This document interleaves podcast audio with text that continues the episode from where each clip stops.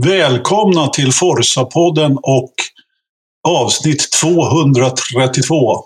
Idag är det den 21 i elfte när vi spelar in det här. Måndagen den 21 i elfte till och med. Och klockan är sju, det vill säga 19.01 faktiskt han slå över till med. Jag tror att vi börjar nästan på slaget. Det är nytt rekord tror jag. Vi har kört klart Formel 1-säsongen 2022 som vi tänkte prata lite om. Eh, och med, i samband med Abu Dhabis GP då. Som kördes i söndags. Eh, vad säger du om det, Ridderstolpe? Ja, den så kallade fiskerullen. ja, Abu. Ja, ja. Det var länge sedan vi hade pappaskämt i podden, så vi får nog Det var väldigt länge sedan, ja. Stolpe. Du har ju köpt hus och grejat här i veckan. Har du verkligen tänkt över det? Hur mycket är det att skotta? Eh, ganska lite. Ja, bra. Ja, jag... Ja, ja, ja. ja, jag har haft hus och skotta förut. Så jag, jag, jag, har, jag vet vilka på, så points man ska titta efter. Lite ja, att skotta och eh, inget underhåll. Det är bra. Ja, precis. Du då, Kristoffer? Har du skottat något? Nej, jag eh, trivs ju väldigt bra i det här klimatet vi har fått i Stockholm. Jag var förvånad här i lördags. Jag var ute på en liten runda till Ikea och så såg jag kanske på de tio minuter såg jag kanske 15 övergädda bilar. Jag, jag vet inte, stockholmarna är inte vana med så här mycket snö tydligen. Men... Alltså, ja, stockholmare vet jag inte. Det där brukar vara, det där brukar vara liksom importerade skåningar och annat löspack som överger bilar och inte har sommardäck och sånt där. Vi stockholmare, vi vet precis hur man kör. Eh, framförallt jag. Jag vet alltid bäst hur man gör. Eh, hela tiden. Men hörni, eh, Innan vi drar igång med dagens avsnitt på riktigt med Formel 1 och sånt så tänkte vi att vi skulle få lite feedback från er. Vi har redan fått jättemycket bra feedback. Det var bland annat några som tyckte att vi skulle överge väderstationen på sl i slutet. Det är många som har tyckt genom åren får man nästan säga nu när vi har kört den här podden i några år. Det tänker vi inte göra, kan jag tala om redan, kan jag avslöja redan nu. För den kommer att vara kvar så länge jag är med i podden i alla fall. Och, det, om ni, och vi har dragit det där några gånger, men lyssna på avsnitt ett så får ni reda på varför vi drar vädret i Grövelsjön varje vecka. Och det är ju faktiskt så att det är ju sist, så att det går ju liksom... Om man, om man verkligen inte gillar det så kan man stänga av dem. Så. Eh, men det jag skulle komma till var att vi har ett Google-formulär där vi eh, gärna vill att ni tycker till om podden överhuvudtaget. Och vad hittar man det, Kristoffer? Jag satte länken här i, i livechatten och så lägger vi också in den i avsnittsinformationen. Och den finns också på våra sociala mediesidor. Så, uh, Precis. Pinnat, där, pinnat inlägg i gruppen bland annat. Exakt, så där vi finns, där hittar ni enkäten också. Den är väldigt kort. Den, det är tre enkla frågor. Tar ja, men precis. fem minuter att svara på, om ens det. En minut om ni är snabba. Ja, exakt. Det beror lite på hur mycket man har att säga. Det är fritext faktiskt, men det är tre frågor. Eh, vad vill ni att vi ska göra bättre och vad vill ni att vi inte ska förändra och eh, övrigt, helt enkelt. Visst var det så ungefär? Ja, men ungefär. Det, det, inte, det, var inte så mycket att komma ihåg och du kommer ju nästan ihåg allting. ja, du ser. Ja. Jag tror att dessutom jag som tyckte att vi skulle ha den så kort också. Så att... ja, dessutom. ja, men jag, jag, jag, tycker om att svara på enkäter. Jag tycker det är jätteroligt att svara på enkäter. Men de får inte vara för långa då tröttnar man och är liksom inte för avancerade. Och eh, baserat på mina empiriska studier så har vi faktiskt gjort någonting rätt. För vi har redan, som jag sa, fått in jättemycket svar. Men vi tar gärna emot fler eh, av er som oh ja. lyssnar och tittar och, och sådär. Så. Nu ska vi inte, nu ska vi inte ödsla mer tid på det faktiskt, utan nu ska vi, nu ska vi bara tala om att det finns eh, Forza-lister till nummerskylten, plåten och köpa på West Coast Motorsports pop-up-butik i West Coast Motorsports pop-up-butik i köpcentret i Trollhättan. Eh, det hette något speciellt där, Kristoffer? Etage Shopping Center. Så. Och idag faktiskt har han fått in uh, den här veckans Verstappen t-shirts och sådana grejer också. Vi har, det har tyvärr varit väldigt uh, problem med de här leveranserna. Det är inte vi som trycker dem själva, tyvärr. Men Nej, eh, leverantören, har haft, leverantören har varit, haft lite mycket att göra. Men nu ska de finnas att köpa också i butik. De har varit på skördesemester eller något. Men det är bra. Eh, välfylld butik där i Trollhättan. Eh, även på nätet förstås, ostkustmotorsport.se. Eh, ska vi... Eh, eh, ska vi hoppa vidare då direkt och eh, prata Formel 1, tycker jag.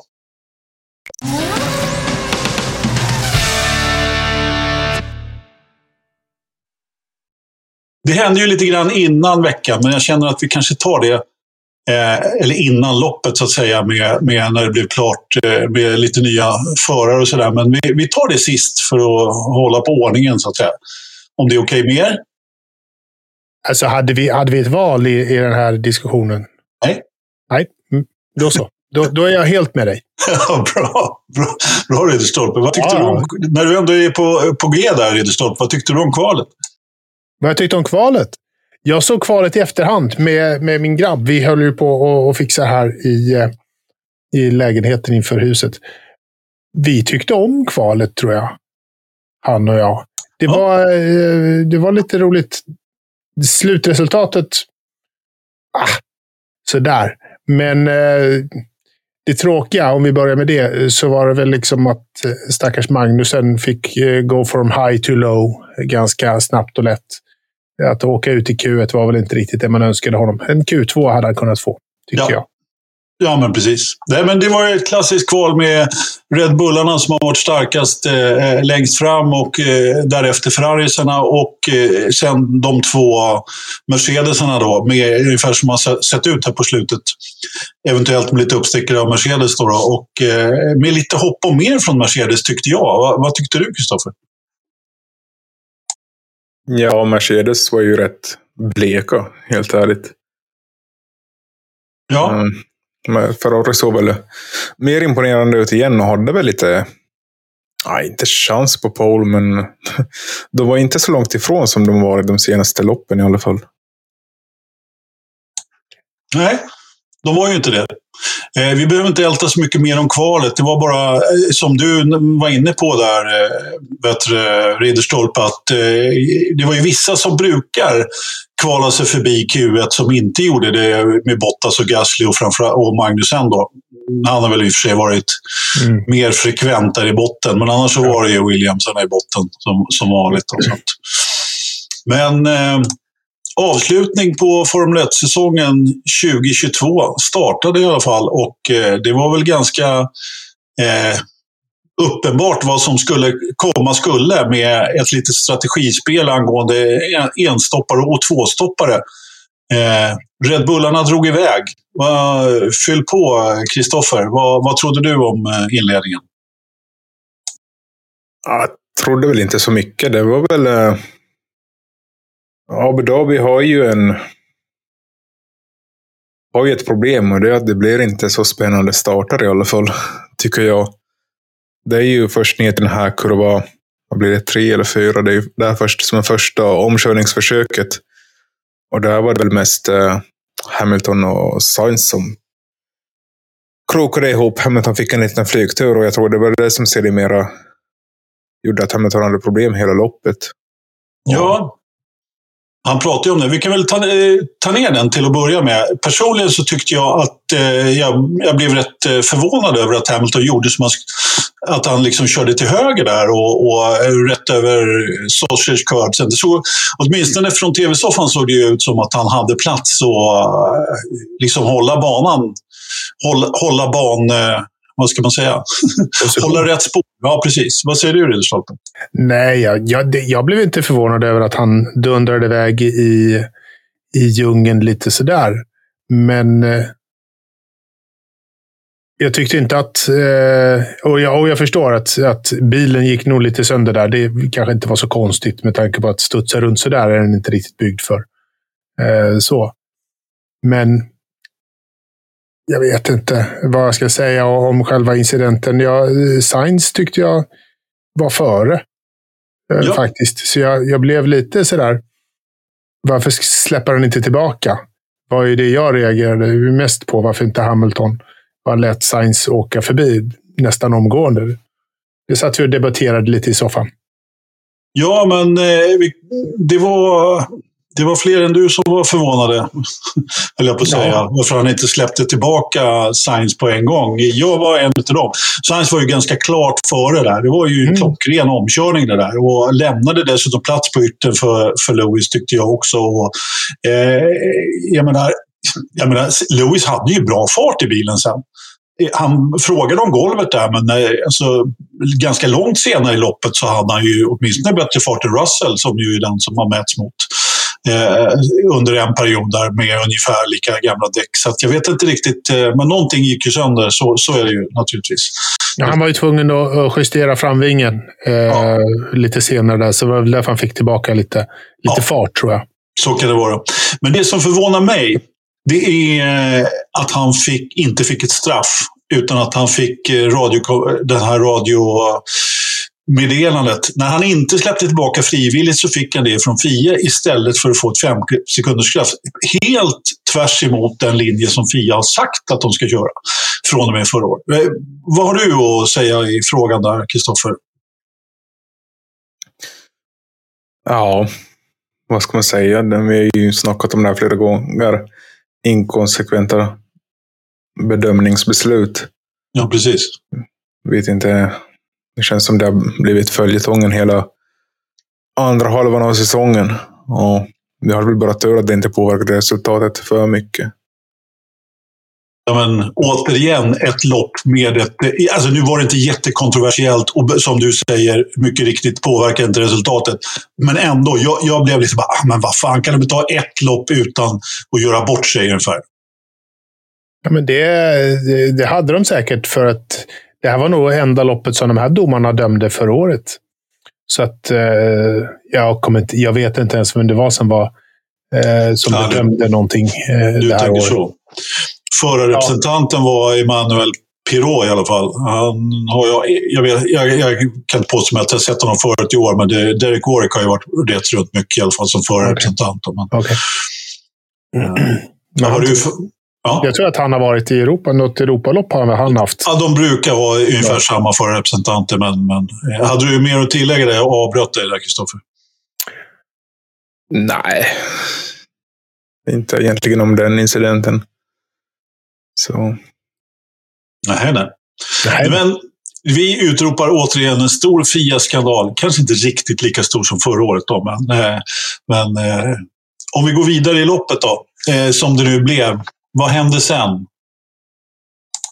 Det var väl egentligen så att eh, det finns, det blev, det, finns inte, det var ju inget jättehändelserikt lopp. Sen om man gillar den här typen av lopp, eh, som är ett, ett form av strategispel. Det är ju en sak. Eh, Eller inte. Sen, var det, eh, sen, sen var det ju lite omkörningar i, i, i mittfältet då och så vidare. Och den här banan går ju faktiskt att köra om på dessutom. Så att, eh, så. Men om vi börjar med strategier där. Och Ferraris strategi för att ta hem Ferrari lyckades ju ta, eller Leclerc lyckades ju ta hem andra platsen i VM här, tack vare att han kom tvåa. Då, då eh, bakom Verstappen. Eh, vilket ju man får ändå säga var en strategisk vinst ifrån Ferrari. Jag personligen som har klagat på Ferraris strategier under hela året trodde att de höll på att göra bort sig igen där. Eh, men det gjorde de faktiskt inte den här gången, utan de körde en fuling. Utan, och, och lurade in press i, eh, i depå, vilket vid det tillfället jag blev ytterst förvånad över att han gick i depå. Men det var ju uppenbarligen att de triggade, eh, triggade det. då. Kristoffer, vad, vad, tyckte du?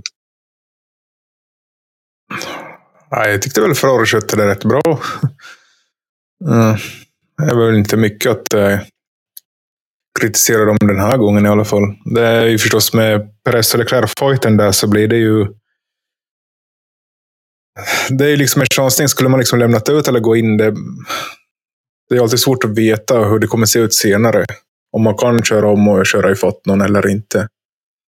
Mm. Skulle vi fått en säkerhetsbil på slutet skulle Perez haft en bättre chans att ta sig om Leclerc, helt klart. Så är det så är det definitivt. Och, eh, men Ferrari sa väl det att eh, jag menar, Red Bull hade ju bättre fart än vad de hade. Deras, de, de, de förstod att de inte skulle kunna ta sig om honom på banan och därför så var de tvungna att göra en fuling. Och det här meddelandet då, som, som, som då var box opposite Red Bull eh, i mitten, det var ju helt enkelt falskt. Då, för de hade tänkt att gå lång hela tiden i stort sett. Då, då. Vad säger du, Ridderstolpe? Nej, men det var väl smart av dem att, eh, att fejka lite. Det, det, det är roligt när, när det lyckas.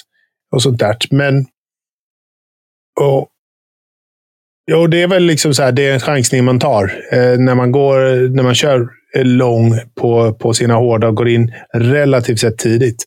Eh, så, så är det ju alltid det där, de sista fem varven är ju lite eh, nervpirrande för att händer någonting och eh, Perez, som i det här fallet är den jagande, har fräschare däck. Då sitter man ju där. Liksom. Då är det ju kört. Men, Jo, men så är det. det är, det är liksom, det är en beräknad, kalkylerad risk man får ta helt enkelt. Ja, speciellt som det var den enda, som de såg det, eh, Mm. enda sättet de skulle vinna på, så, så är det ju så att eh, då får man göra så. Ja. Helt enkelt. Så att, eh, eh, nej, men jag tycker det var snyggt gjort av Ferrari. Och jag menar, även en blind höna och så vidare. Så att, eh, Ja, någon gång ska man ju få, få rätt strategi också. Ja. Det som förvånar mig extremt mycket är att de gick ut och talade om att det var en luring. Var de så jävla nöjda med den? Nej, det, var, vet, det kommer fram i en intervju eh, efteråt och det var väl en, en, en reporter som frågade honom, frå, frågade Leclerc då, kan, och då sa han, ja, det, jag kan väl lika gärna säga det nu, att det där, jag kan erkänna, det här var ett fejkat meddelande som eh, det var liksom planerat att plantera. Okej. Så, att så det var så det kom ut. Ja, eh, jag kan säga att jag hade inte varit glad om det.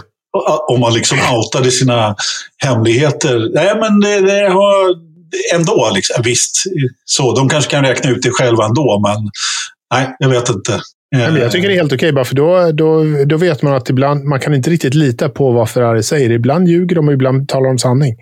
Och du vet inte när, för att ibland så skickar de ut ett litet fejkmeddelande det har du helt rätt i, Ridderstolpe. de, de kanske faktiskt vinner på att berätta att vi, vi luras lite. De kör den ryska stilen och bara liksom matar ut eh, och förvirrar hela tiden. Så att, eh, Ja, är det den ryska stilen? ja. Eh, har du inte läst, har du aldrig sett en spionroman? Liksom? Eller sett en spionroman, läst en spionroman, sett en, en spionfilm, herregud. Det är, det är liksom det enda jag tittar på, det är därför som jag... Okej, det är det enda du tittar på när du läser. Det är det enda jag tittar på när jag läser, precis. Vad Ja. tittar du på när du läser, Kristoffer? Om vi återgår till Formel 1 här. Eh, Verstappens seger var ju trots allt en enstoppare, vilket var ganska eh, rakt fram, för att tala svenska. Det var ju inga konstigheter, eller hur? Nej, det som mest folk funderade funderar på i efterhand var ju varför han inte skulle hjälpa Perez mer i den här fighten om andra platsen. För det var ju första gången på väldigt länge som jag tror Red Bull aldrig har slutat 1-2 i VM någon gång. Om jag eh, inte ens fast Vettel och Webber körde där. Men eh, Verstappen körde sitt eget race, helt klart. Och Perez fick göra det bästa han kunde av situationen själv. Det där, Alltså- det där reagerade jag ganska ordentligt på i början. När han bara, han bara försvinner som en jävla löning. Tjoff, så drar han iväg. Så är han sex sekunder före. Eh, och och det, var, det var inte ens en tanke på att, vara, vara liksom, att, att hjälpa Tjecko på något sätt. Han bara, nej vad fan, jag drar. Du, det var, det var, det var schysst att ses. Eh, se till att hjälpa mig när jag behöver det, men eh, tja då! Jag kan säga att jag är exakt noll förvånad över just detta. Jag är förvånad över att ni ens eh, liksom är förvånade, höll jag på att säga. Nej, men jag är irriterad över att Christian Horner inte kan få ordning på den här lilla valpen någon gång. Nej men herregud. Det är ju Nej. inte Christian Horner som bestämmer i Red Bull. Nej, Det är- att, det är, att det är Jos Verstappen som bestämmer det. Ja, eller, ganska- men, eller Max framför allt egentligen. men, eh, numera. men liksom, om man nu ska ha titeln CEO, teamchef och vad det nu, the what nots, liksom, då får han väl börja agera som det också. Eller så tycker han att det här är helt okej. Vi vinner med Max. Vi ger honom allt. Han får frihet. Frihet hos Max ger oss vinster. Happy days, go away. Tjecko är bara där på lån ändå. Jag ska bara svara på Ridderstolpe en sekund, Kristoffer, sen ska du få ordet. Har man vunnit eh, ett tajt mästerskap mot Lewis Hamilton och tar sitt andra redan i typ fjärde loppet eller vad han vann VM här i år, så, så ja, alltså, då får man göra lite som man vill. Eller då förstår jag att han släpper honom. Kristoffer? Jag tänkte ändå nämna att det var ju första gången Red Bull gjorde en startade första startled också sen Mexiko 2018. När ja, det var evigheter. evigheter. så liksom eh, Perez han försökte i alla fall göra, göra det bästa och liksom komma andra. Men eh, ja. Ja. Jo, men det är, men det är ju ett, det är ett lagspel det här. Eh, det betyder att vi är i samma lag.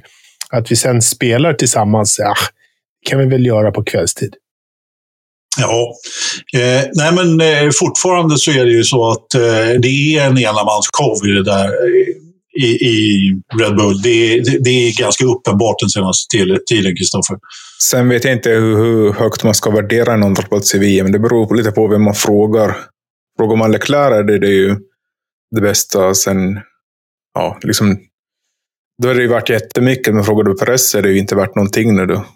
Att Perez, kom trea och inte två. Ja, exakt. Jo, men det är väl klart. Det är väl klart. Men jag menar, eh, uppenbarligen så var det ju det som var fokus på i det här loppet. Eh, liksom, att bli best of the rest. Och det är trots allt en liten fjäder i hatten för, för Ferrari, måste man ändå säga. Eh, att de lyckades klå Perez. Eh, sen hur mycket man värderar det, det vet inte jag. Men de är nog lite nöjda med att de lyckades göra det i och med att Red Bull faktiskt hade en, ett litet övertag här på, på fart. Eh, så att, eh, men jag, alltså för egen del så var det ju bara för att hålla spänning i loppet på något sätt. Som man, eh, tycker jag. Liksom, egentligen så var det ju inte mycket. Och, det här med att eh, Verstappen skulle ha backat ner eh, Leclerc i Perez gap där. Alltså, jag trodde inte på det. Inte det minsta. Så gör inte Verstappen. Det finns inte. Jag tycker det är bra att han inte gjorde det heller faktiskt. Jag gillar inte den typen av fulspel som jag tycker att det är. Nej, Nej. jag vet inte.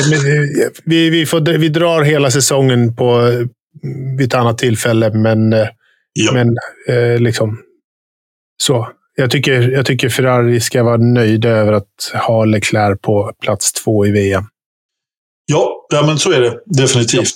Ja. definitivt. Hörrni, lite andra notiser från loppet. Då, då. Eh, alltså det, mycket av helgen eh, så pratades det ju Sebastian Vettel i och med att det var hans sista lopp. Det var ju även då eh, Daniel Ricciardos och eh, Mick, Mick Schumachers sista lopp. Men det vet vi ju inte. Båda de två vill ju komma tillbaka. Så att, eh, Latifi.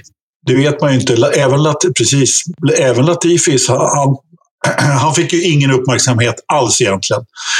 Eh, han, för hans del så kan vi nog eh, säga att det var nog hans sista Formel 1-lopp.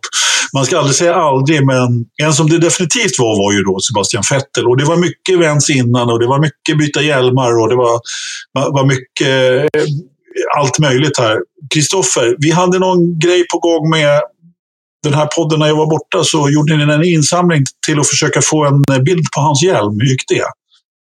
Ja, kampanjen gick jättebra.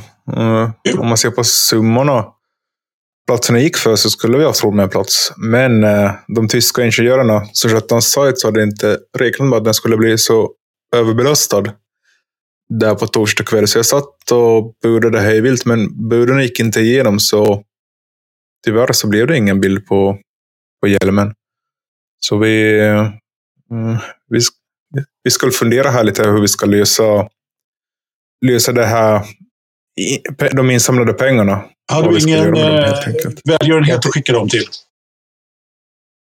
Jo, men jag tror att vi kan, vi kan Sebastian samlade ju in pengar till välgörande ändamål i och med den här försäljningen av bilder. Så att eh, det ligger väl ganska nära till hans att titta på vad han gjorde och, och göra något liknande. Och Om skicka pengarna till... Okej okay med alla som, ja. Eh, som bidrog till insamlingen såklart. Ja, ja det, var ju det, de, det var det de bidrog till från början.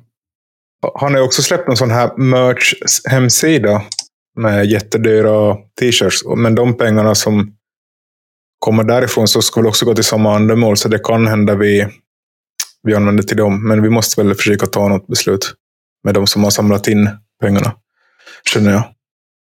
Eller liksom ja. de som har bidragit, heter det ju. Ja, precis. De som har eh, lagt in lite pengar via kampanjen. Men vi är jätteglada över mängden pengar som har kommit in, för det var mer än vad vi faktiskt hoppades på. Så det är superroligt. Tack ja, så hemskt mycket. Jättebra. Alldeles utmärkt.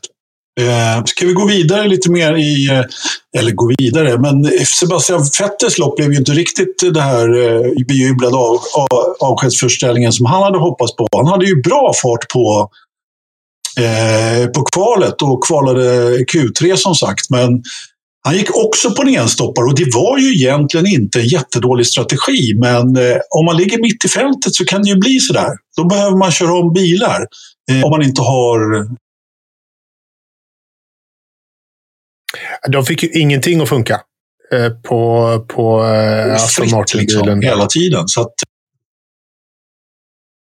Ja. Och han tyckte ju att den här strategin var helt... De väntade ju helt klart för länge med att ta in honom i depå. Eh, så att när väl däcken föll av så föll de av ordentligt. Och då föll ju han också som en sten. Och då, sen efter det så blev det ju liksom inget inget vidare bra sen, för alla andra hade liksom redan Ja, men de här mediumdäcken där, de, det var ju tre sekunder eh, långsammare i stort sett där på, mot slutet av stinten. Det var ju ja. lite för mycket. Eh, och det är klart, fightas man i mittfältet där så går ju däcken av. Eh, jag menar, ja. Så är det. Ja. Eh, det blev ingen vidare föreställning för Aston Martin. Han blev till och med omkörd av Stroll där på slutet eh, som ju då tog de här poängen som behövdes för, eller han tog inte poängen som behövdes. När Lewis bröt så, tog, så hamnade ju då eh, Aston Martin på Sebastian på tionde, nionde plats va? Slutade nia va, Kristoffer? På eh, samma poäng som... Skulle, som ja, i VM så hade ju vi hade ju behövt ta Daniel Ricciardo va? I, i slutet där för att kunna få den där extra pinnen och 12 miljoner extra dollar. Eh, så det var ju det som var det spännande på sista varvet. Ja, du menar att komma om eh, Alfa Romeo? Exakt. Precis.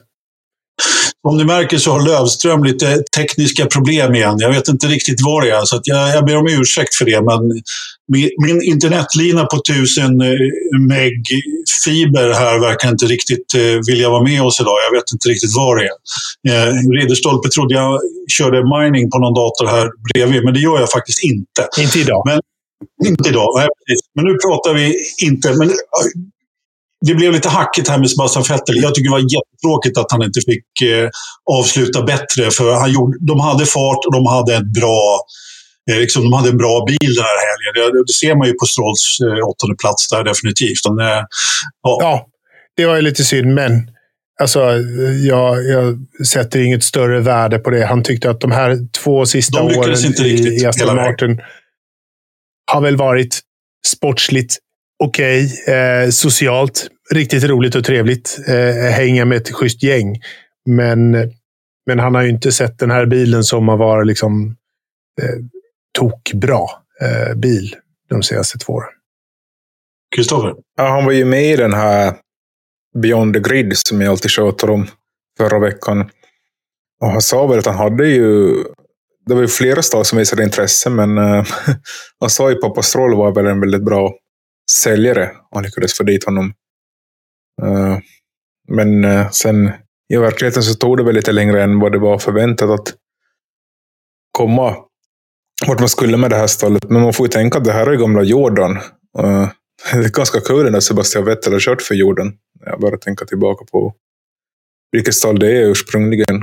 Och han tog ju ändå podiumplatser under den här sessionen, så helt bortkastat var det väl inte. Men Nej, men om man ser på övriga delar av hans eh, karriär så var det inte de här två åren de mest lysande. Men det var väl okej. Okay. Det är lite som Bottas tid i Alfa. Eh, det är väl kanske inte de mest lysande åren i, i hans karriär heller. Eh, att harva runt på en, på en åttonde till femtonde plats är väl inte det roligaste. Men det lirar. Ja, Nej men eh, precis, han hade ju naturligtvis velat avsluta karriären med segrar. Det säger, det, det säger sig självt. Men eh, på något sätt så, gjorde, så blev det ändå bra i Aston Martin. Eh, bitvis i alla fall. Eh, högt och lågt. Men det märks ju att de är, ja, efter injektionerna av pengar som de har fått så, så kan man ju fundera lite grann på hur, hur bra det skulle kunna bli. Men, men som du säger, Kristoffer, det har ju blivit en pallplats faktiskt. Detta avsnitt sponsras av West Coast Motorsport. Där hittar du alla baseballprodukter för förare, fans och team. Kom ihåg att du numera även kan köpa vår merch från deras hemsida. Gå till hemsidan forsamerch.se för en direkt länk till vårt utbud av produkter. Alltså forsamerch.se där ni kan stötta oss genom att köpa våra produkter. Tack! Ja. Eh, så är det. Men, men, jag tycker ju ändå Aston Martin har ryckt upp sig. De hamnar ju på samma poäng som Alfa Romeo. Och där känns det som att de har splittat på... Alfa Romeo gick från, från bra till dåligt under säsongen. Aston Martin har gått... Liksom, de möttes på vägen någonstans och kom i mål på samma poäng. Men Aston Martins kurva pekar ju åt ett helt annat håll än Alfa Romeo.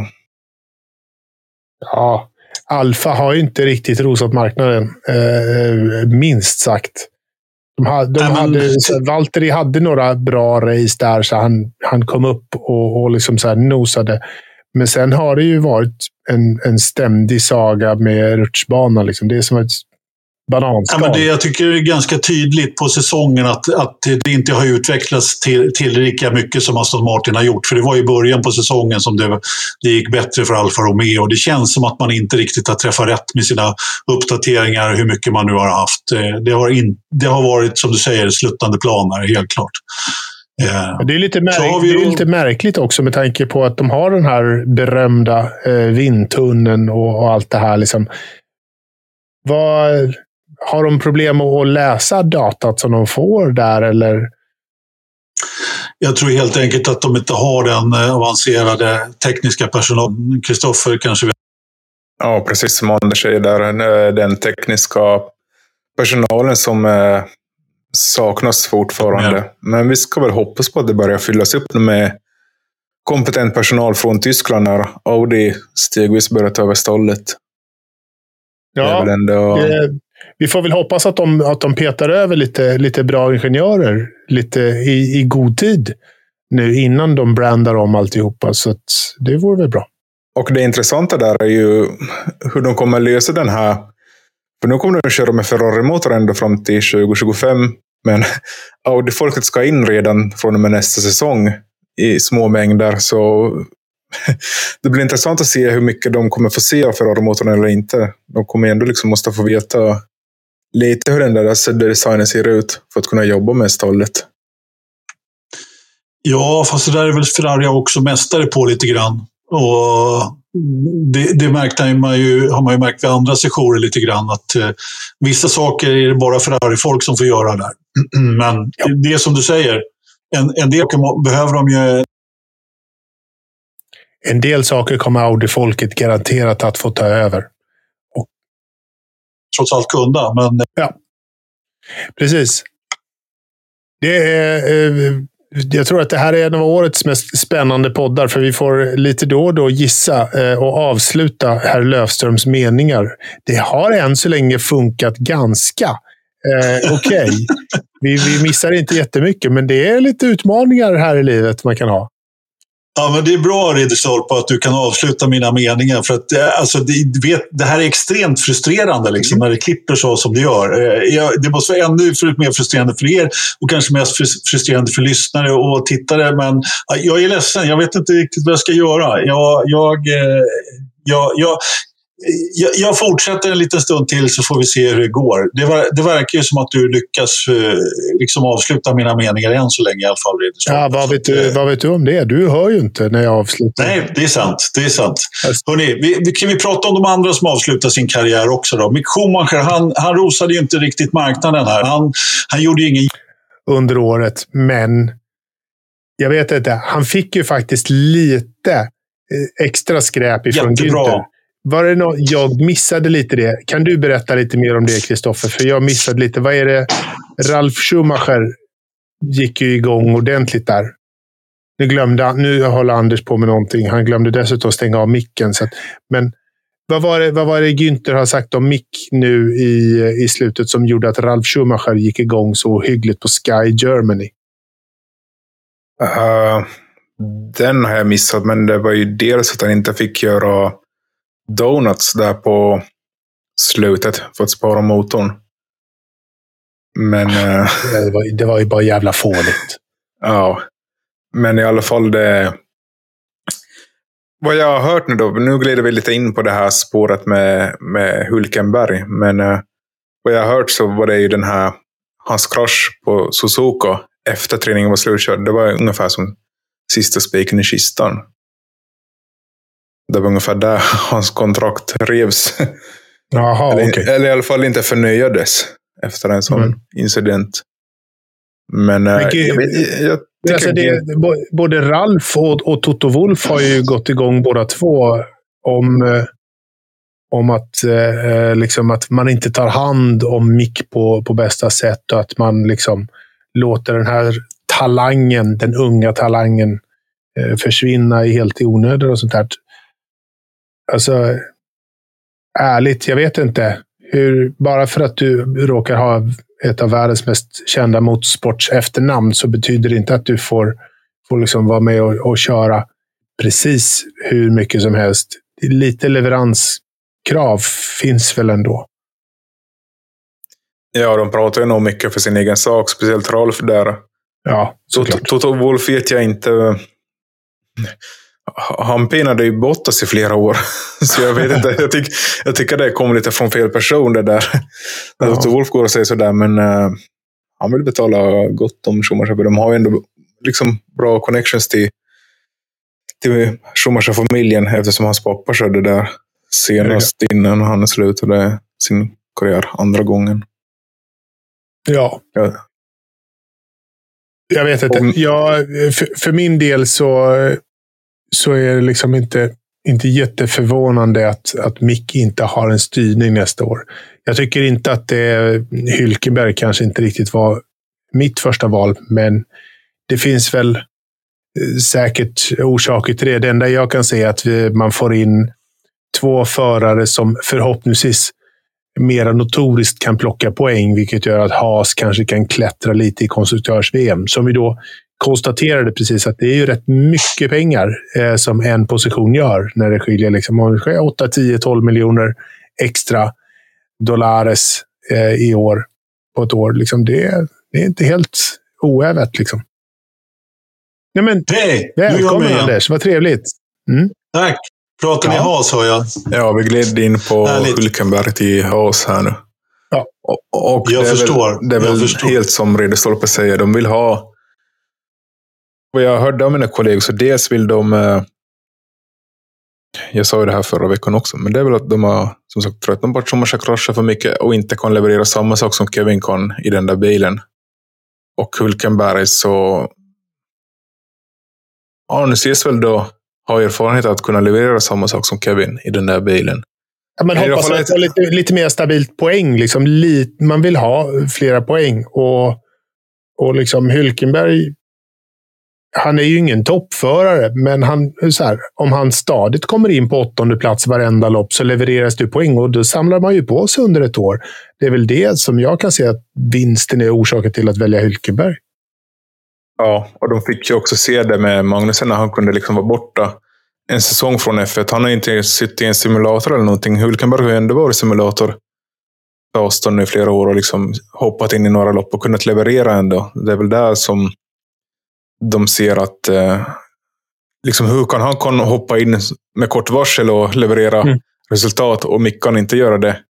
Nu är det inte samma bil och allting, men ändå det finns ju man kan ju liksom härleda sig till att det är i den positionen har sig, de behöver inga sådana här young guns. De behöver bara stabila förare som kan plocka de här Exakt. platserna. Exakt. Jag tycker ändå att det här är årets felrekrytering alla kategorier. För jag menar, det är ju fortfarande så att jag menar, Mick Schumacher är ju på, på, på väg att bli en stabil, erfaren förare som kan leverera. Det är ju det som är liksom själva poängen med det här. Sen att han kraschade där i Japan efter träning, ja, mm, det var ju inte så bra kanske. Jag, jag förstår kanske att man, inte, att man som ett bottenstall inte vågar satsa på en, en en eh, liksom coming-förare på det sättet. Men eh, jag, tycker en, jag, må, jag måste ändå säga då med att jag hade ju valt vet du, Mick alla dagar i veckan och två gånger på en söndag som de brukar säga.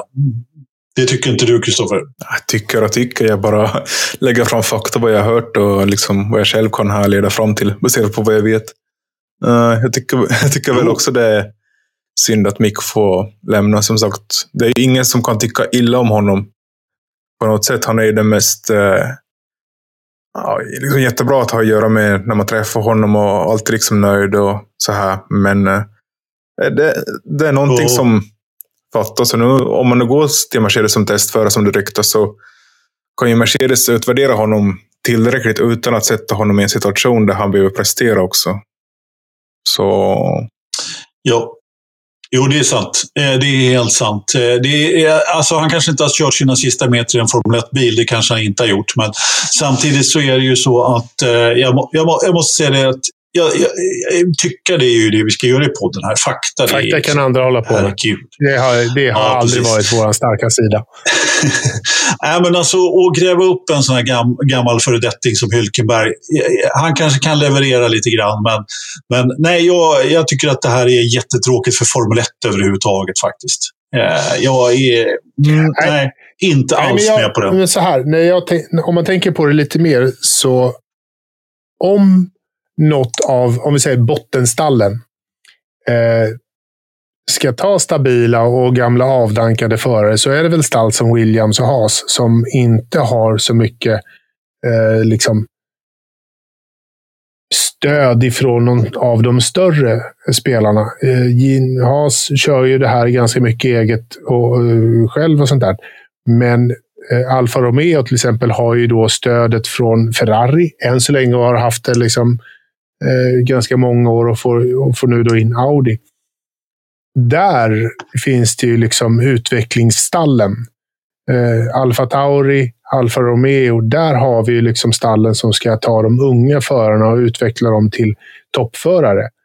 Inte i ett has. Att has väljer Hylkenberg känns ju lite så här, det är det de behöver göra för att få liksom upp konstruktörs-VM-poängen. Sen, sen är det väl så att de har ju också sitt samarbete med Ferrari, absolut. Men... Alltså det, det som förvånar mig det är att man tar Hylkenberg och man tar... E, alltså, nu tar man ju faktiskt inte pengarna. Eh, nu vet, jag vet inte riktigt vad Hylkenberg har för backning. Han kanske har lite pengar med sig trots allt. Det borde han ha. Har väl. Eh, men, men det förvånar mig faktiskt. Eh, Mick har ju tappat sin eh, eh, vad, vad, ska jag säga, backning om jag förstår det hela rätt. Då. Så han har inte heller så jättemycket, men han drar ju åtminstone till sig lite sponsorer fortfarande med sitt Absolut. namn och, och, allt det här. Men, ja, ja, eh, jag, mm. det, jag, på något sätt så förstår jag och köper jag eh, att de, de valde in Hylkenberg. Jag tycker Hylkenberg är skittråkigt. Jag skulle, jag, det, är så här, det, det tråkigaste är att eh, det verkar inte vara tillräckligt bra tillväxt underifrån eftersom man väljer Hulkenberg. Och det är surt. Och det är dåligt på många andra sätt. Men vad fan. Och vad, vad var det Toto sa? Han tyckte att, eh, att eh, vet du, Günther inte riktigt hade tagit hand om Mick och eh, han kommer från bergen så det är lite tunn luft där uppe. Så att de tänker något sånt där. Lite dåligt med syre här uppe. Ja. Exakt. Kristoffer? Mm, jag vet inte det här med sponsorer heller. För de har ju också Pietro Fittipaldi där. Um, som har bakning, men inte tillräckligt med bakning för att köra. Hulkenberg han... Det är ju ändå ett tyskt intresse och det är ju F1 som har lyckats. Vi får han...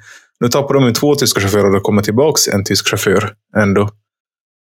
Jag vet inte. Men, men den, den, tyska marknaden är ju inte gigantisk trots detta. För, den är inte tillräckligt stor för att kunna hantera ett lopp. Men den är ändå så pass viktig att vi har eh, märken och liknande som mm. gör att den blir jätteviktig. Men de, de oh. agerar ju på en global marknad. Mercedes och Audi och, och Porsche och håller på. Liksom. Det, det, är så mycket större än Tyskland. Så att, att ha en tysk förare. Jo, fast den tyska ekonomin och marknaden är ändå väldigt, väldigt stor. Eh, det, det, oh. det kan attrahera väldigt mycket. Men det bor 80 mil, över 80 miljoner personer där. Det är en extrem marknad. Sen att de inte kan hålla ett, ett lopp här, liksom, det är ju en skandal i sig naturligtvis, som kanske har lite andra bottnar. Ja. Men, men eh, ja, och och, och, kanske, där kanske man ska skylla lite mer på Formel 1 då, som har skrivit jävligt jobbiga kontrakt för att det kostar så mycket att köra Formel 1 så att man inte kan hålla i ett av Europas, Europas centrala länder för motorsportutveckling. Det, det tycker jag är en större Ja, katastrof faktiskt. Men, ja. Men hörni, när vi ändå är inne på avslutade karriärer så kan vi väl eh, så kan vi väl prata om Alonso också. Han eh, lyckades ju inte klå Con i år eh, och hade väl, hade väl inte ett jättebra lopp heller här i, i eh, Abu Dhabi direkt. Eh, men eh, vad, vad, vad säger vi? Han tog väskan, så fort han hade gått i mål så, så hade han väskan packad och gick till Alfa Romeo. Nej, liksom han gick han- till Aston Martin. Förlåt, inte Alfa Romeo. Jag är lite förvirrad där efter mina nät, nätverkskortsbekymmer som det visade sig vara. Jag bytte det lite snabbt här förut. Han, han tog väskan han hade vä- väskan packad och så fort han hade gått över mållinjen så, så gled han ur eh, overallen och gick bort till Aston Martin liksom, och checkade in där direkt. Eh, varför gjorde han det, Kristoffer? Ja, varför gjorde han det, Kristoffer? Det ska jag berätta. Nej, men han var ju ganska less på situationen i alpin. Jag tror det här med att han inte fick respekten av eh, alpins slash Renaults ledning som han ville ha har väl börjat irritera honom mer och mer. Och, ja, det har ju märkts de senaste loppen att eh, han inte varit helt nöjd med situationen i, i stallet nu då. Var, var det någon av er som märkte när han, eh, när han bröt i söndags? Helt plötsligt var han inte med längre. Jag vet inte om det inte ens var i sändning. Eller körde han, parkerade han bara? Nej, nu skiter jag i det här. Eller? Uh, de plockade in honom, va? Jag, Ja, för mig jag, såg honom. eh, jag såg honom stanna till i depån. Ja, jo. Jo, jo Så att- helt klart. Och så, så helt plötsligt så... Nej, men då nej, var det klart. liksom. brutit. Ja, så kan det vara. Det, det, då fick han ju i och för sig tid att packa väskan. Han hade tid att duscha till och med, tror jag. Det var en vattenläcka. Precis. Då behöver man Nej, inte han ens duscha. hade redan duschat, så att han kunde bara hoppa ur, ur, ur overallen och, och i finskorna. Så. Ja, Ja. hans femte lopp som han fick bryta på, grund- på grund av ett tekniskt fel. Det är ju också lite... Sammanfattar väl hela Alonsos säsong. Varit liksom blixtsnabb i vissa stunder, men också mycket motgångar i loppen som han inte har kunnat påverka. Ja. Så en säsong att glömma för honom. Helt klart är han väl besviken på att de har ju ändå på något sätt etablerat en fjärde plats i som det fjärde bästa stallet. Men eh, de lyckades aldrig liksom gå upp och få ens en podiumplats. Jag trodde nog Alonso skulle lyckas med en podiumplats innan. Liksom, hur, hur, om man ser på början av säsongen, där i Australien var ju väldigt nära också. Mm. Innan hydrauliken gav upp det. Ja. Nej, men alltså jag måste säga att jag är imponerad över att de klår McLaren i konstruktörsmästerskapet. Eh, alltså, om McLaren hade haft två förare som hade levererat som Norris så hade de ju eh, varit svåra att slå, definitivt.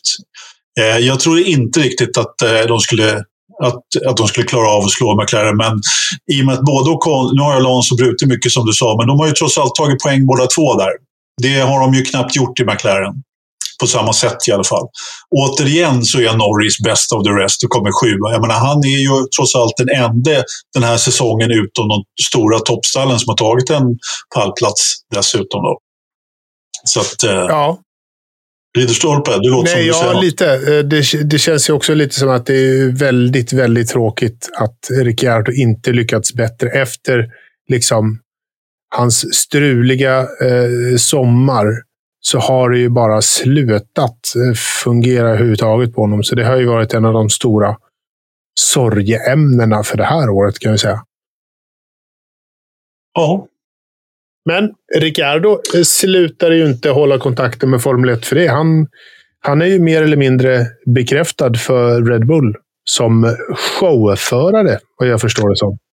tredjeförare, ja precis. Ja, han, kommer Showförare. köra, han kommer att vara den som kör showerna eh, runt om i, i världen. Det är som David Coult har gjort i alla år. Alltså, om, om man får säga så här så passar ju det Ricardo rätt bra ändå. Han, det finns ju ingen som är bättre showman än honom. Det Klockrent. är- Alltså, jag älskar valet att Ja. göra honom till liksom, eh, the Formula One clown in the crowd. herregud, det, han Ja. är ju det av naturen. Men eh, är, är, Ja, är han exakt. en sån position i Formel 1? Jag vet inte om jag... Jag vill ändå se någon som racingförare, inte som någon eh, clown som ska vara på plats en tredjedel av loppen och bara ha en liten show. Det kan man väl kanske diskutera, men jag tror att han faktiskt gärna tar en sån här roll under ett år. För han säger ju själv att han har tappat sig själv. Han har liksom inte riktigt eh, fått tillbaka något självförtroende. Eh, det här glada leendet som han har, har nog ganska ofta varit lite påklistrat under det här året. Och han har nog fått kämpa ganska hårt med, med sin, sitt mentala under, under ganska mycket. Så att jag tror att han tar en, en, ett år där han får glada tillrop och applåder emot sig och kan då hitta tillbaka till sig själv. Jag vet inte. Om han kommer tillbaka Ja. efter det här? Ja, ja, jag vet inte var eller hur eller så, men han har ju absolut ingen plats i Red Bull att, att eh, hoppas på i alla fall. Det är ju tydligt. Här är han bara en show och festförare.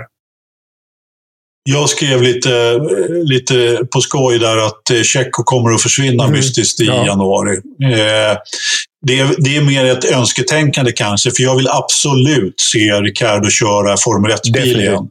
Eh, ja, och den här säsongen har ju varit helt katastrof i stort sett för honom. Och jag menar, förra säsongen gick ju ändå att räkna hem på något sätt med segern på Monza, men i år så har han blivit totalt utskåpad utan Norris. Så jag menar, vi vet ju alla att Ricardo inte är någon långsam Formel 1-förare. Det övergår mitt förnuft hur han kan bli så utskåpad. Alltså en, från, har gått från liksom, titt, folk trodde att han skulle vinna VM. Liksom. En, en av de liksom, riktigt snabba, riktigt heta på förarmarknaden till att liksom inte vara vattenvärd i stort sett. Jag menar, nej, jag tycker det är sorgligt, Kristoffer.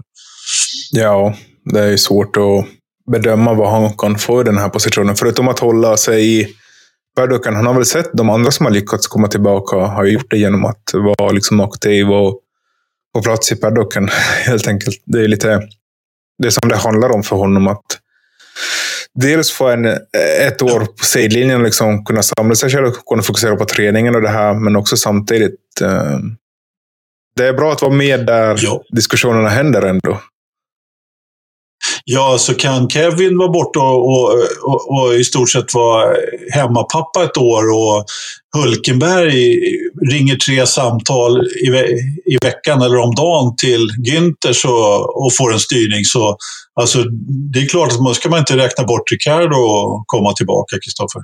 Men det är det man tänker också. Varför tog han inte platsen hos Haas eller Williams som ändå troligtvis fanns på bordet?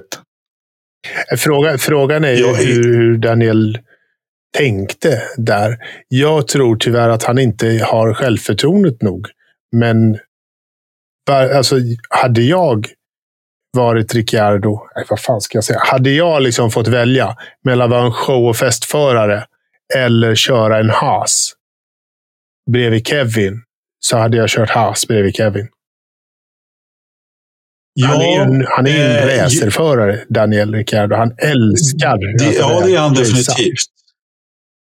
Eh, det är ju liksom, mot Williams hade han gått upp mot Albon och i, i Haas hade han gått upp mot Kevin. Eh, jag skulle väl vilja påstå att ja, det hade ju inte kunnat gått sämre i alla fall. Eh, men jag är inte så jäkla säker på att de där styrningarna fanns för bordet för Ricardo. Jag tror inte att han eh, eh, var intresserad, jätteintresserad utav någon av dem faktiskt. Jag tror att han eh, behöver ett sabbatsår. Det är, men det är svårt att veta naturligtvis. Eh, I huvudet på en annan förare, I Kristoffer. alla fall vad jag vet så Gunther Steiner satt väl typ och väntade på att han skulle höra av sig. Men eh, ja, Ja, här- Var inte det en mediegrej? Nej, alltså ärligt Eller? talat. Jag tror att Haas och, och Ricciardo har haft kontakt. Eh, Williams tror jag att Ricciardo själv sa nej till. Eh, och det kanske jag köper lite enklare. Men Haas, varför, varför hoppar han inte på det? Liksom, det är lite... jag tänker han skulle också passa bra i Haas just med den liksom, kopplingen till USA och allt det där som han också själv gillar. Eller hur? Kanske få göra lite mm, grejer, men han har ju ändå ett Nascar-stall också. Som han gillar jättemycket. Så... Men, men. Alltså, det, är, det är en passning som inte är helt... Alltså det, passformen är inte dum. Eh, tycker jag. Ja, ja, ja, ja, jag är lite så förvånad över att han inte tog, tog styrningen. För jag tror faktiskt att han hade goda möjligheter att, att plocka det. Mm. Ja, eh, det, är en fråga det... vi får ställa Daniel Ricciardo helt enkelt. Vi, vi får väl ta ja, det får vi göra nästa gång vi träffar honom. Helt enkelt. Eh, jag, tror, jag är tveksam om man svarar på den faktiskt, men eh, eh det är möjligt. Du frågar. Jag, jag, jag tror inte att det var ens eh, på bordet faktiskt. Även om Günther sa att han väntar på samtalet. Så. Men, men det är som det är. Ska vi, ska vi ta nästa, eh, nästa exit också då, då i Latifi? Vi behöver inte prata så mycket om hans karriär, för det, det har inte varit så mycket att prata om egentligen. Men han fick ju inte heller sådär jättevärdigt avslut på sin då, i och med att han i princip avkörd av Mick Schumacher. Då, då. Så att, eh, det var lite tråkigt för dem båda. Men, men nu har vi ju då fått eh, bekräftat en ny förare i eh, Williams, Logan Sargent, då, som körde till sig de nödvändiga superlicenspoängerna i... Så det blir lite övrig motorsport här i F2, Kristoffer. Det var ju rätt bra jobbat med, med det trycket, eller hur? Ja, nu behövde han ju bara komma sexa i totalen och han låg ju på en tredjeplats. Så Mm, det var väl inte en helt omöjlig uppgift han stod inför, men det är skönt att uh, få det där avbockat nu i krysset och vad man ska kalla det. F2-loppen i sig bjöd inte på så mycket underhållning. Det var ju lite krascher i starten och sen uh, Sen blev det en väldigt lång röd flagga och så startade loppet om på bakom säkerhetsbil. Men... Uh, Just det. Ja. Jag trodde det skulle inhiberas. För det var ju ganska kort med tid inför F1-kvalet och Viaplay så avbröt ju F2-loppet för att gå till studion i F1-studion inför kvalet. Så jag såg aldrig avslutningen på det där. Det var lite märkligt ja. gjort. Men jag tittar faktiskt i, dessutom i efterhand, men jag var nästan live då eftersom det blev så lång rödflagg. Så jag, jag spolade fram där när det var rödflaggen. Så det, var, ja, det var nästan så att de gick i, var, i varandra faktiskt. Eh, helt klart. Och det var ju då Enzo Fittipaldi och eh, vem var det mer som var inne i... Det var, Just det, Daruvola. Precis, precis. Som gick ihop där i alla fall. Men de båda verkar klara sig bra. Och Ralf Borsung, han kom ju flera meter den här gången. Ja, nu kommer vi in på övre motorsport mitt i allt här. Ja, men eh, jag tar, sa ju det, att vi, det varit lite övrig motorsport. Det blir, det blir kanske en liten, eh, en liten eh, övrig motorsport sen också. Då, då. Men, nej, men om vi ändå skulle prata Sargent då det var egentligen det vi skulle prata om. Eh, vad tror vi att han kan göra i Formel 1 då? Ridderstolpe, du får börja. Ja, ingen aning. Jag vet faktiskt inte alls vad, han, vad man kan förvänta sig äh, att han äh, ska leverera i, i Formel 1. För jag kan karn skitdåligt. Vad tror Kristoffer eh, att asfaltsmiljardär Sargent kommer olja, att göra i olja, F1? Asfalt? Okej. Okay. Ja, ja. ja. Ja, Mm, han får ju en tuff måttstock med Albon helt klart. Albon är ju ingen eh, dålig förare, fast han kanske inte såg, såg riktigt bra ut när han körde bredvid Verstappen. Men eh, jag tycker han har fått bevisa i år att han är en väldigt kapabel förare, Albon. Trots eh, bilen har väl varit under all kritik i år, så det är väl första att försöka slå Albon. Det kan jag ja, säga, det, det, det tror jag blir skitsvårt.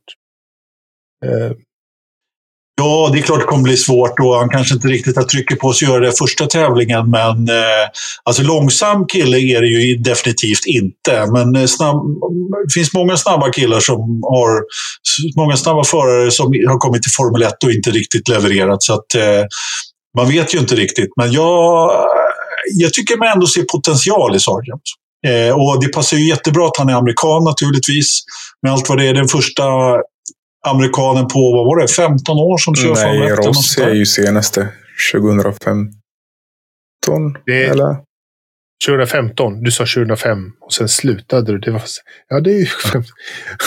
men 2015. Ja, men Rossi... 2015? Är det verkligen så? Alexander Rossi, eller var det 14? Han körde för Marusha några lopp. Ja. Mernor hette de ju på slutet. Ja, det gjorde han. Några lopp. Nu sa jag, eller om jag inte sa det så lägger jag till det. på heltid en hel Formel 1-säsong. Någon som har kontrakt över tid. Men Scott Spade avslutade ju också efter en halv säsong. Eller kommer jag ihåg fel? Ja, något i den där stilen i... Eh, Toro Rosso. I, i Alfa Tauri höll jag på att säga nu. Toro Rosso, precis. Det stämmer. Detta avsnitt sponsras av West Coast Motorsport. Där hittar du alla baseballprodukter för förare, fans och team. Kom ihåg att du numera även kan köpa vår merch från deras hemsida. Gå till hemsidan forsamerch.se för en direktlänk till vårt utbud av produkter. Alltså forsamerch.se där ni kan stötta oss genom att köpa våra produkter. Tack! Det stämmer, det stämmer. Men vi kan väl lugnt säga att vi har inte, ha, vi har inte haft någon amerikan i Formel 1 eh, på många år. Och framförallt inte någon som har kört hela säsongen. Det ska bli intressant att se. Vi får väl se. Eh, hur det går. Jag tycker att det ska bli spännande. Det blir eh, definitivt eh, men det, det, blir intressant. Och precis som du har sagt där, Kristoffer, så har han ju en, en eh, ytterst stabil, numera stabil får man ändå säga, eh, stallkamrat. Även om Williams kanske inte är så stabila med deras fart. Då. Eh, Albon har ju, som du påpekade, gjort det väldigt bra, Kristoffer. Ja.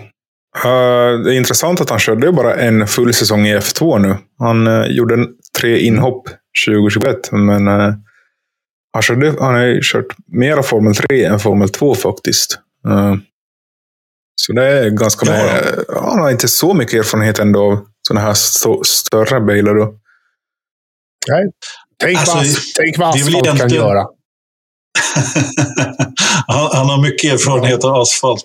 Eh, nej men, alltså, det som jag tycker mig ha förstått, rätta mig om jag har fel, är ju att det svåra med att komma direkt till Formel 1 ifrån lägre klasser är ju däcken och hantera de här Pirelli-däcken. Och jag menar, eh, det har han ju trots allt gjort i F2. Det är det, det F2 har som skiljer sig mot eh, F3 lite grann. Just att eh, att man har två olika däckstyper då som måste hålla och man måste lyckas med. Det är en utav sakerna som jag tycker inte riktigt gillar med F2 bara för att det är så kort livstid på de röda däcken. Där. Men, men, men, det, är trots, det är en nyckel som man måste på något sätt, eh, ett lås man måste låsa upp liksom med rätt nyckel där för däcksnyckeln då om man ska till Formel 1.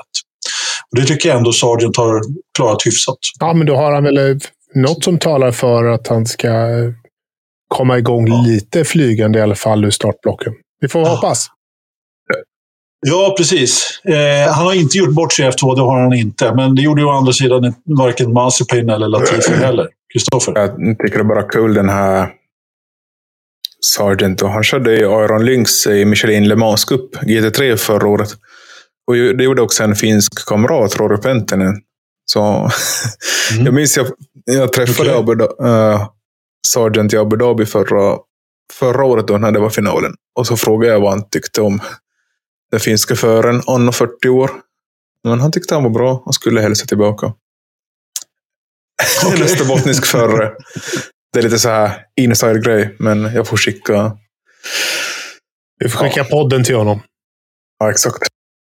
Ja, precis. Eller hur? Ja, men det är bra, då har du en ingång på Logan Sargent ja, ja. där så vi kan få lite intervju och sånt där med. Det är alldeles utmärkt. Uh, har vi uttömt? Uh... Vi har ett litet skop, skulle jag tro. Ja, har vi, vi har ett litet skop.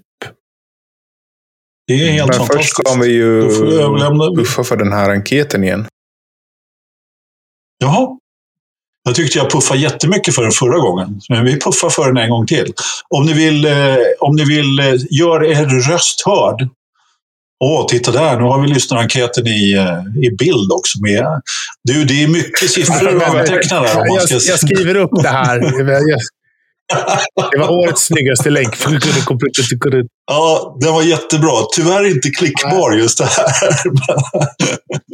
Men gå in i Facebook på Forza Motorsports grupp så har ni den i pinnade inlägg där på alla våra sociala medier. Så får, får ni se vad ni, vad, vad, ni vill om podden. Det är bara vi ja, som läser. Precis. Man är helt anonym. Så det är, yes. Ja. man vet aldrig, höll jag på att säga. Men, men om man är alldeles felak så kanske man blir out. Nej. Det ska inte vara så. Alla, alla kommentarer och önskemål om förbättringar och försämringar är välkomna. Ja. Du, Kristoffer, här.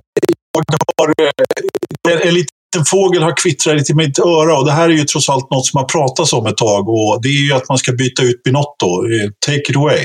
Ja, det var ju italienska Gazzetta dello Sport som föreslog att man skulle ta bort Binotto efter årets katastrofsäsong och istället ska man lägga in Saubers Fredrik Vasseur. Vasseur. Vad sa du? Men, eh, ja, vad, vad sa du? ja, men det är väl ingen... Eh, jag, vet, jag tycker ju ändå Binotto har ju gjort Ferrari till ett bättre stall än vad han varit tidigare, så det känns... Är det dags att flytta på honom redan? Den är smaksak. Men Vassör av allihopa, är han rätt person att lägga där? Han har inte direkt levererat i, i Sauber. Jag tycker han hänger väl löst redan hur länge han kommer få sitta kvar på den där positionen nu när Audi börjar köpa in sig i stallet. Ja du, alltså. Ja, det skulle förvåna mig mycket om Fredrik Vassör är kvar. Eh, men uppenbarligen så måste han ju ha några talanger eftersom han har liksom ändå rattat det där stallet ett par år nu. Eh, med rätt mediokra resultat i och för sig. Då, då. Men alltså, re- spontant svar på din fråga där, eh, Kristoffer, är ju nej. Han är absolut inte rätt man.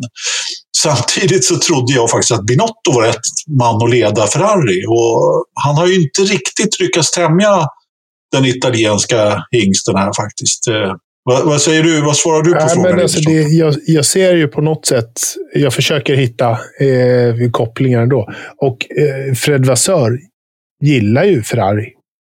Eh, han, han har ju ändå hållit Ferrari högt. Eh, med motorleverantör. Det var det första han gjorde när han kom in. Liksom, att dissa alla andra motorleverantörer och gå tillbaka till Ferrari. Och, och så där och se till att relationen med Ferrari och Sauber har varit stark. Det är nog ganska mycket att tacka Fred Vassör för där, skulle jag tro. Så att för mig är det väl inte helt eh, orimligt att han kommer upp som, som ett alternativ. Om det blir honom? Nej, det tror jag verkligen inte. Jag tror inte att eh, han är ett på riktigt alternativ för, för Ferrari. För det, det, det är jag. Vad fan, jag sa att Hylkenberg inte var ett alternativ heller. Så, så gick fanskapet och signade. Liksom. Men, så att nu är det väl bekräftat. Det blir Fred Vassör i, i Ferrari. Han kommer att skicka, annonsas i mellandagarna mellan jul och nyår. Ja, det, du, eh, Ridderstolpe, det finns ju ett sånt här gammalt talesätt i Formel 1 som är, liksom... Är, ja, all, allt i F1 kan hända och det gör också. Ja, och jag menar, det- du och lite så. Och jag säger absolut inte att det inte blir Vassör, för det är precis... Däremot, när det gällde Hylkenberg, så fick ju både du och jag äta upp att Jag vi... tycker fortfarande, jag Absolut tycker fortfarande ett jävla skitbeslut. Ja, det, det säger jag också, men det var, vi, vi var ju... Ja, det, Det blir blev det. det. det kan ju och det, det är därför som jag säger att det kommer att bli Fred Vassör. Även om jag inte... Jag tror... Jag håller med Kristoffer och, och dig båda. Liksom. Jag tycker att Binotto in, Jag tycker inte att han har gjort bort sig. Eh, jag tycker att han ändå försöker att få det här stallet till att bli någonting annat än vad det har varit under de, de tidigare åren. Och jag, försöker, och jag sympatiserar med hans sätt att driva det. Nu tror jag däremot att han är på väg bort. Och det är för att hans relation med Charles Leclerc har gått åt skogen. Där sitter Binottos problem. Han kommer inte överens med stjärnan. Och då är det lite jobbigt att sitta kvar som, som stallchef. Ja, fast en förare ska ju aldrig vara större än stallet där i Ferrari. du, tjena, Men, men visst, ben, eh, liksom. ja, men du har en poäng. Ja, men, eh, du såg ju hur det gick sist eh, där, Kristoffer. Ja, mm, det var ju därför också vissa ville ha bort Schumacher för han hade för mycket inflytande i stallet. Eh, vi kommer väl aldrig få veta varför han slutade hos Ferrari. Men det är ju, Ferrari har ju en ny, en ny CEO som heter Benedetto Vigna. Uh, han är typ varit nu ett år i den här rollen. Och det är väl han som börjar känna att han börjar liksom sätta sitt märke på F1-stallet. Fast han inte har alls någon motorsporterfarenhet sedan tidigare. Men uh, är man CEO så vill man väl försöka göra det man kan för att få upp dem igen. För de har ju Ferrari helt klart varit ett av årets floppar, som jag skrev i min årskrönika som gick ut idag. Ja, eh, jo men eh, helt klart en flopp. Jag menar, eh, jag menar det, vi ska inte summera säsongen idag, det gör vi nästa vecka, men eh, jag menar Red Bull har ju haft klart, klart bättre bilen, men Ferrari var ju där i början på säsongen och hade de gjort allting rätt så hade det ju sett helt annorlunda ut. Då hade vi kunnat haft en VM-fight här. Så, att, eh, så är det ju def definitivt. Men eh, ja, vi får väl se hur det blir med Benottos vara och icke vara. Eh, jag vet inte riktigt. Det ramlar in den ena Marlboro-gubben efter den andra i Ferrari där. Så att, eh, har de haft någon motorsportgubbe på den där positionen, CEO-positionen, sen, sen, eh, sen Enzo? Eller? Ja, i och för sig. Semlan var väl i och för sig ja. lite... Han, han, var lite motorsportgubbe kanske. Kristoffer, ja. Vem är Semlan? Sean Tott, eller? Montezuma. Jaha. Ja, ja. Montezuma. Men ja, alltså det är ju grejen också. Det finns ju ingen skola hur det blir eh, stallchef i F1. Det är ju lite en erfarenhetsgrej. Handlar det om. Och det, ett rykte hörde jag var att eh, han som har, som har lett ett Amerikas Cup-team, eh, Max Sirena, alltså en seglare, skulle kunna ta över det. Okay. Ja. Eh, okay. Kanske inte jag. Ja. ja. Nej, vi, vi, jag backar lite. Vi kanske ska anställa han Fred istället. Helt plötsligt så blir Fred massör jävligt bra. Men ja. eh, oavsett så är det väldigt konstigt att Gazettel Sport är ändå en tidning som har väldigt gott rykte. Varför skulle de skriva det här? Är det ett placerat rykte eller vad? Det är det man börjar undra. De har, för, de, för, för de har ju ett gott ord ändå med Ferrari historiskt sett. De vill ju inte ens skriva skit om det. Ett gott ord menar du att de har en god relation? Exakt. Eh, det, det har de säkert och de har... Men jag tror att de... Jag vet inte. De brukar, de brukar veta vad de säger. Sådär. Alltså Gazettan har haft fel förut. Eh, de är, jag tror att det där är en politisk manöver. De vill ha bort Binotto. De har, eh, de har tappat tålamodet. Det, det är min eh, bara... Det är någon där jag som vill ha, alltså det är ett placerat rykte. Det är ungefär det jag känner också. Ja, det är, ja, det är det. Sen är det ju jättesvårt att veta naturligtvis. Så, så exakt hur det ligger till. Men det, det, det, det, det luktar det lång väg i alla fall. Eh, med italiensk media, som vi brukar håna lite grann, är lite jobbig. Åtminstone i de tidiga tidigare ja. poddarna. Jajamensan. Men du, Ridderstolpe, har du gjort någon undersökning? Eh, det har jag. Återigen har jag skickat ut frågor till vår ärade jury i Forza Motorsport på Facebook. Och eh, vår statistiker och matematiker Kristoffer Lindén har även denna gång eh, räknat samman ett medelbetyg och ett snittbetyg på detta. Hur, hur, hur blev det? 2,89 fick säsongsavslutningen. Ja, det är lite så här. Jag somnade lite jag också. Det är väl det som fler än jag har gjort. Tydligen. Ja, nej men det var jättetråkigt var det definitivt inte. Ja, det var ett medellopp ja. lite grann. Det var ju inte riktigt den här färgsprakande avslutningen som förra året såklart. Och VM var ju avgjort och alltihopa. Så att jag menar, det blir ju lite med. Så är det ju. Men det kändes väl lite grann. Vi har ju haft upp och ner hela säsongen. Eh, ett bra lopp, ett dåligt lopp, ett bra lopp och ett dåligt lopp. Och så avslutar vi nej, lite... Lite sådär. Nej, nej, det är ett mellanmjölk. Ja. Du hade räknat ut för hela säsongen också? Ja, snittet eller? för hela säsongen blir 2,99. Jag tycker det är ja. helt otroligt att det landar på liksom i trean ändå. Mm. Men, äh... Ja, med tanke på att vi har haft ganska låga betyg faktiskt. Det har, men samtidigt så har vi ju haft rejäla toppar också. Ja, det är de höga topparna som drar upp det till att det är nästan tre. För det har varit mera under medeltalet mm. än över, helt klart. Men uh, ja, nästa vecka så ska vi gå igenom den här tippningen som alla lyssnare fick göra innan. Och vad vi själva tippade. Och ja, kanske mer alltså, ja. bedöma kanske bästa lopp och ge lite priser till vilket lopp som var sämst och bäst och sånt. Det tycker jag låter som en bra idé. Jag har nästan glömt att jag tippar. Jag kommer i alla fall inte ihåg vad jag tippade. Men det står säkert uppskrivet någonstans. Jag hoppas på det. Låt oss alla hoppas på det. Ja. Har, du- har du skrivit upp sånt här, Kristoffer? Ja, det finns i ett eh, Google-formulär. Ordning på dig. Kristoffer är sån som skriver saker på riktigt. Ja. ja, precis. Är det lika lång länk Ja, till den? minst. Ja, Ja, det är bra.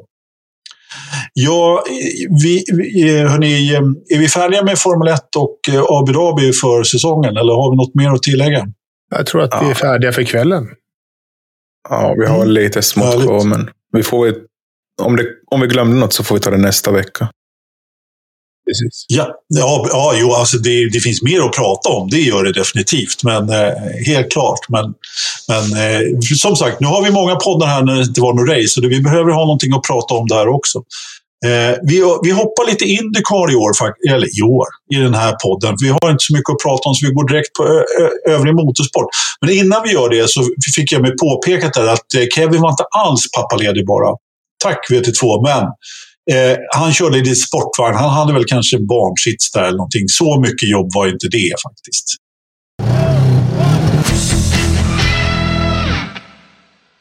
Och med tanke på att vi redan har pratat F2 så blir väl det här, eh, den här det här, den här avdelningen... Segmentet var ordet du nästan sa.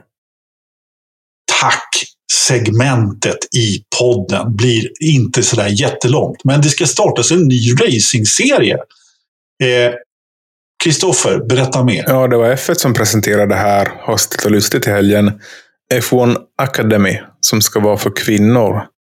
Som ska vara motsvarande en F4-serie som kommer gå på var det sju eller åtta tävlingar? Eller var det bara fem? Ursäkta att jag inte är så påläst, men eh, det, det är Men, väl eh, fem stall som ska vara med i alla fall. Som, var stall som också kör i F2 och F3 och de kommer köra tre bilar var. Men det här kanske är modellen då, eftersom W Series verkar ju dö ut där med, med, i och med att de inte hade sponsorer och grejer. Att, att starta en konkurrerande kvinnlig serie vet i tusan om jag tycker det är jättebra. Jag gillade egentligen inte W Series heller. Ja, det behöver vi inte debattera här, men, men eh, alltså, blir det här bara en, en sån bra stege upp in i yt, ytterligare motorsport så absolut, kör säger jag. Det ska Eh, inte vara en konkurrerande serie, det ska vara en, eh, ett trappsteg till W-series. Eller F3, man ska kunna komma från här direkt till F3 då. Och, eh, men det krävs pengar för det här. Det är inga vinstpengar i det här som är W-series. Utan här måste F1, de pröjsar 150 000, 150 000 euro per bil. Sen måste föraren komma med 150 000 euro i budget per bil i varje stall. Så det. Ja, Småpengar i sammanhanget. hör själva. Faktiskt. Ja, det beror på. En, kostar en körning F1 kostar ju ändå en halv miljon euro. Minst Ja. för, en, då, för en inom citat dålig sits. Så. Men, det är ändå vad, är, vad, är, vad, är en... tanken, eh, vad är tanken med det här? Ska den ersätta W-series eller ska det här vara ett steg efter W-series? Eller?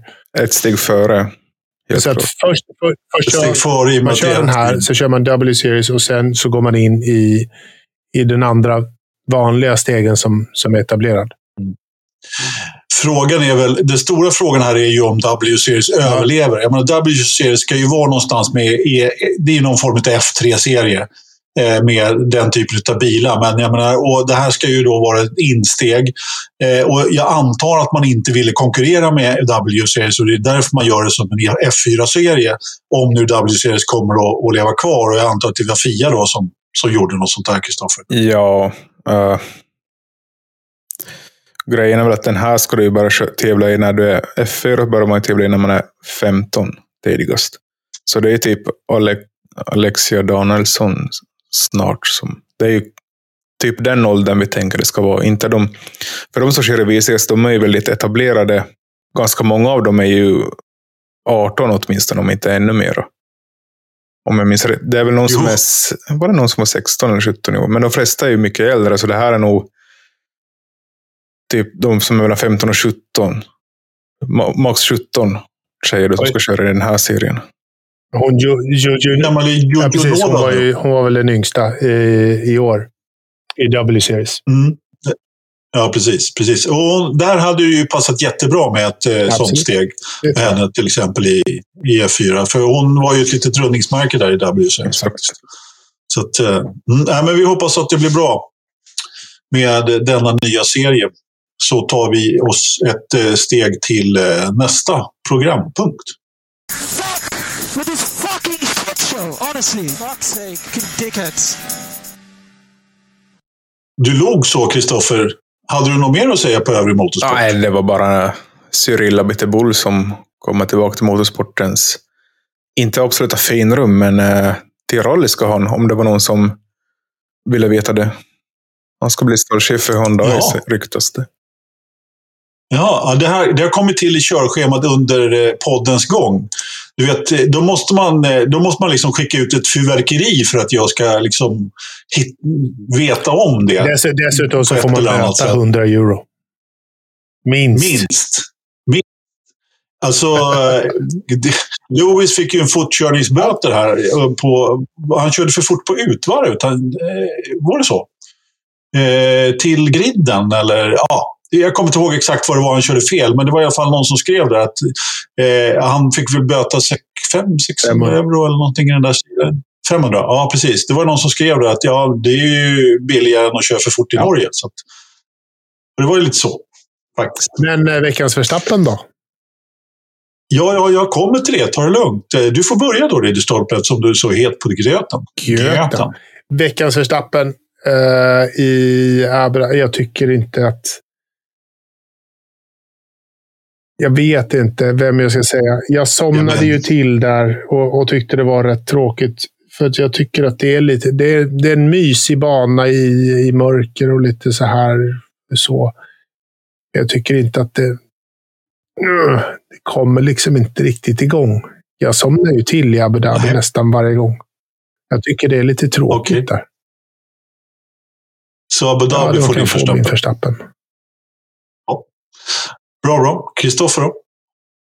Ja, det var ju Ridderstolpe min värsta öppen. Oj, eh, förlåt. Jag visste inte att du hade valt den. Jaha, ja. ja nej, Där ser man. Eh, jag vet inte. Vad har hänt senaste veckan då? Det är ju... Det känns som det var rätt dött. Överlag. Uh... Du kan, ge den till, du kan få henne med. Du kan ge den till Tjecko för att han inte lyckas prestera i den bilen. Men det gjorde han ju. ja, inte tillräckligt. Det gjorde inte tillräckligt inte. bra för att ta andra platsen, vilket han borde kunna göra. Han kom ju inte två VM. Det är en klassisk bra ja, förstärkning. Ja, men Anders, ta din Verstappen då först så får jag fundera lite till. Ja, du kan få fundera väldigt kort då i så fall. För min går till Günther Steiner.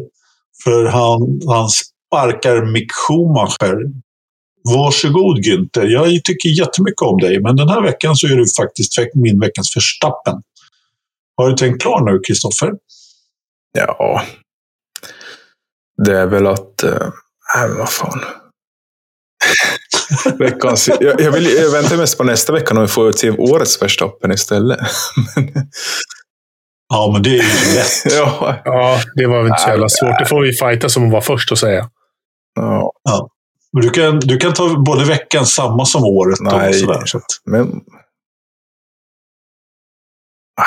Jag vet inte. Nej, det... Nej. Det får bli, du får helt enkelt välja dig själv då, som inte kommer på ja. någon förstappen.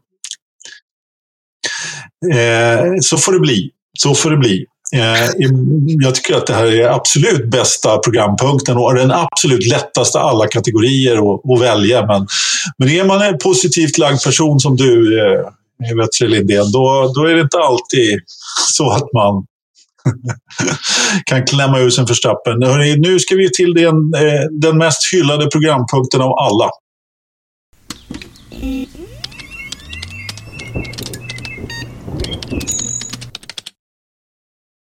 Det är 6,1 grad ute. Det är lätt snöfall, 10-13 hästkrafter. Dagpunkten är 7,6 grader. Relativ fuktighet ute 89. Relativ fuktighet inne 37. Eh, Ja, det är, det är inget snödjup att tala om. Ja. Alltså, jag kan ju säga att vi här i södra Stockholm har ett snödjup på minst 60 centimeter eh, lokalt här i Turange faktiskt. Det är, jag har aldrig sett så mycket snö i Tullinge faktiskt. Eh, sant. Så mycket. Ja, det är, alltså, det är, det är sjuka mängder Ja. som har kommit ner. Betydligt mer än eh, inåt de centralare delarna av Stockholm faktiskt. Eh, men eh, ja, nej, det är inget snödjup att tala om. Alltså fågelbordet, det har varit länge sedan det var någon action vid fågelbordet. Det sa du sist också. Eh, nej, vänta, det är något där. Är, men, ja, jag vet. Vänta, det var något där. Jag måste titta en gång till här över huvudet. Om det inte var någonting där vid fågelbordet i alla fall. Om det var, jo, kolla, det är en fyrbent rackare där som är där och käkar just nu. Så det. De, de är lite kamouflagefärgade så man ser dem ju inte riktigt. Men det är, det är en sån där eh, rådjursälgren eller något. Av något slag. Eh, med all denna fakta presenterad, eh, Kristoffer, kan du klämma dig ur dig en eh, temperatur då i, i damfrågan? 10,7. Nej, gud. Långt ifrån. 10,7. Det är jättebra gissning, men tyvärr inte rätt den här veckan heller. Ridderstolpe. 15,1. 15,1. Fel, fel, fel. Det är 8,7 grader. Det har Alltså- pipit iväg neråt, Och riktigt? Var han dörren öppen, eller? Ja, man börjar nästan tro det faktiskt. Eh, Nu är det kyligt, men det är å andra sidan väldigt kyligt Ja. ute också. Det är minus 6 grader. Så att, eh, men, men ja, jag tror att det är en av de lägsta temperaturerna Ja, någonsin idag. faktiskt. Ja. Under Det tvåsiffrigt har det inte varit. Hörni,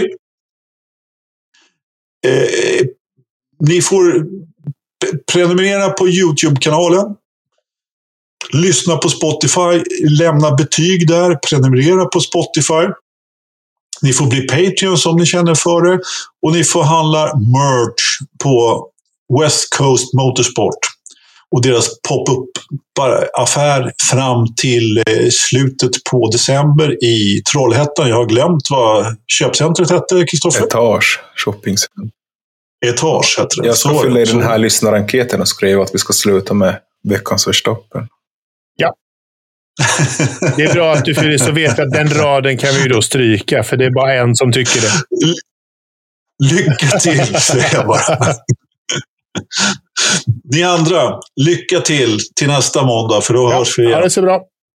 Ha det bra. Tack Hej för då. att ni lyssnar. Hej då. Hej då.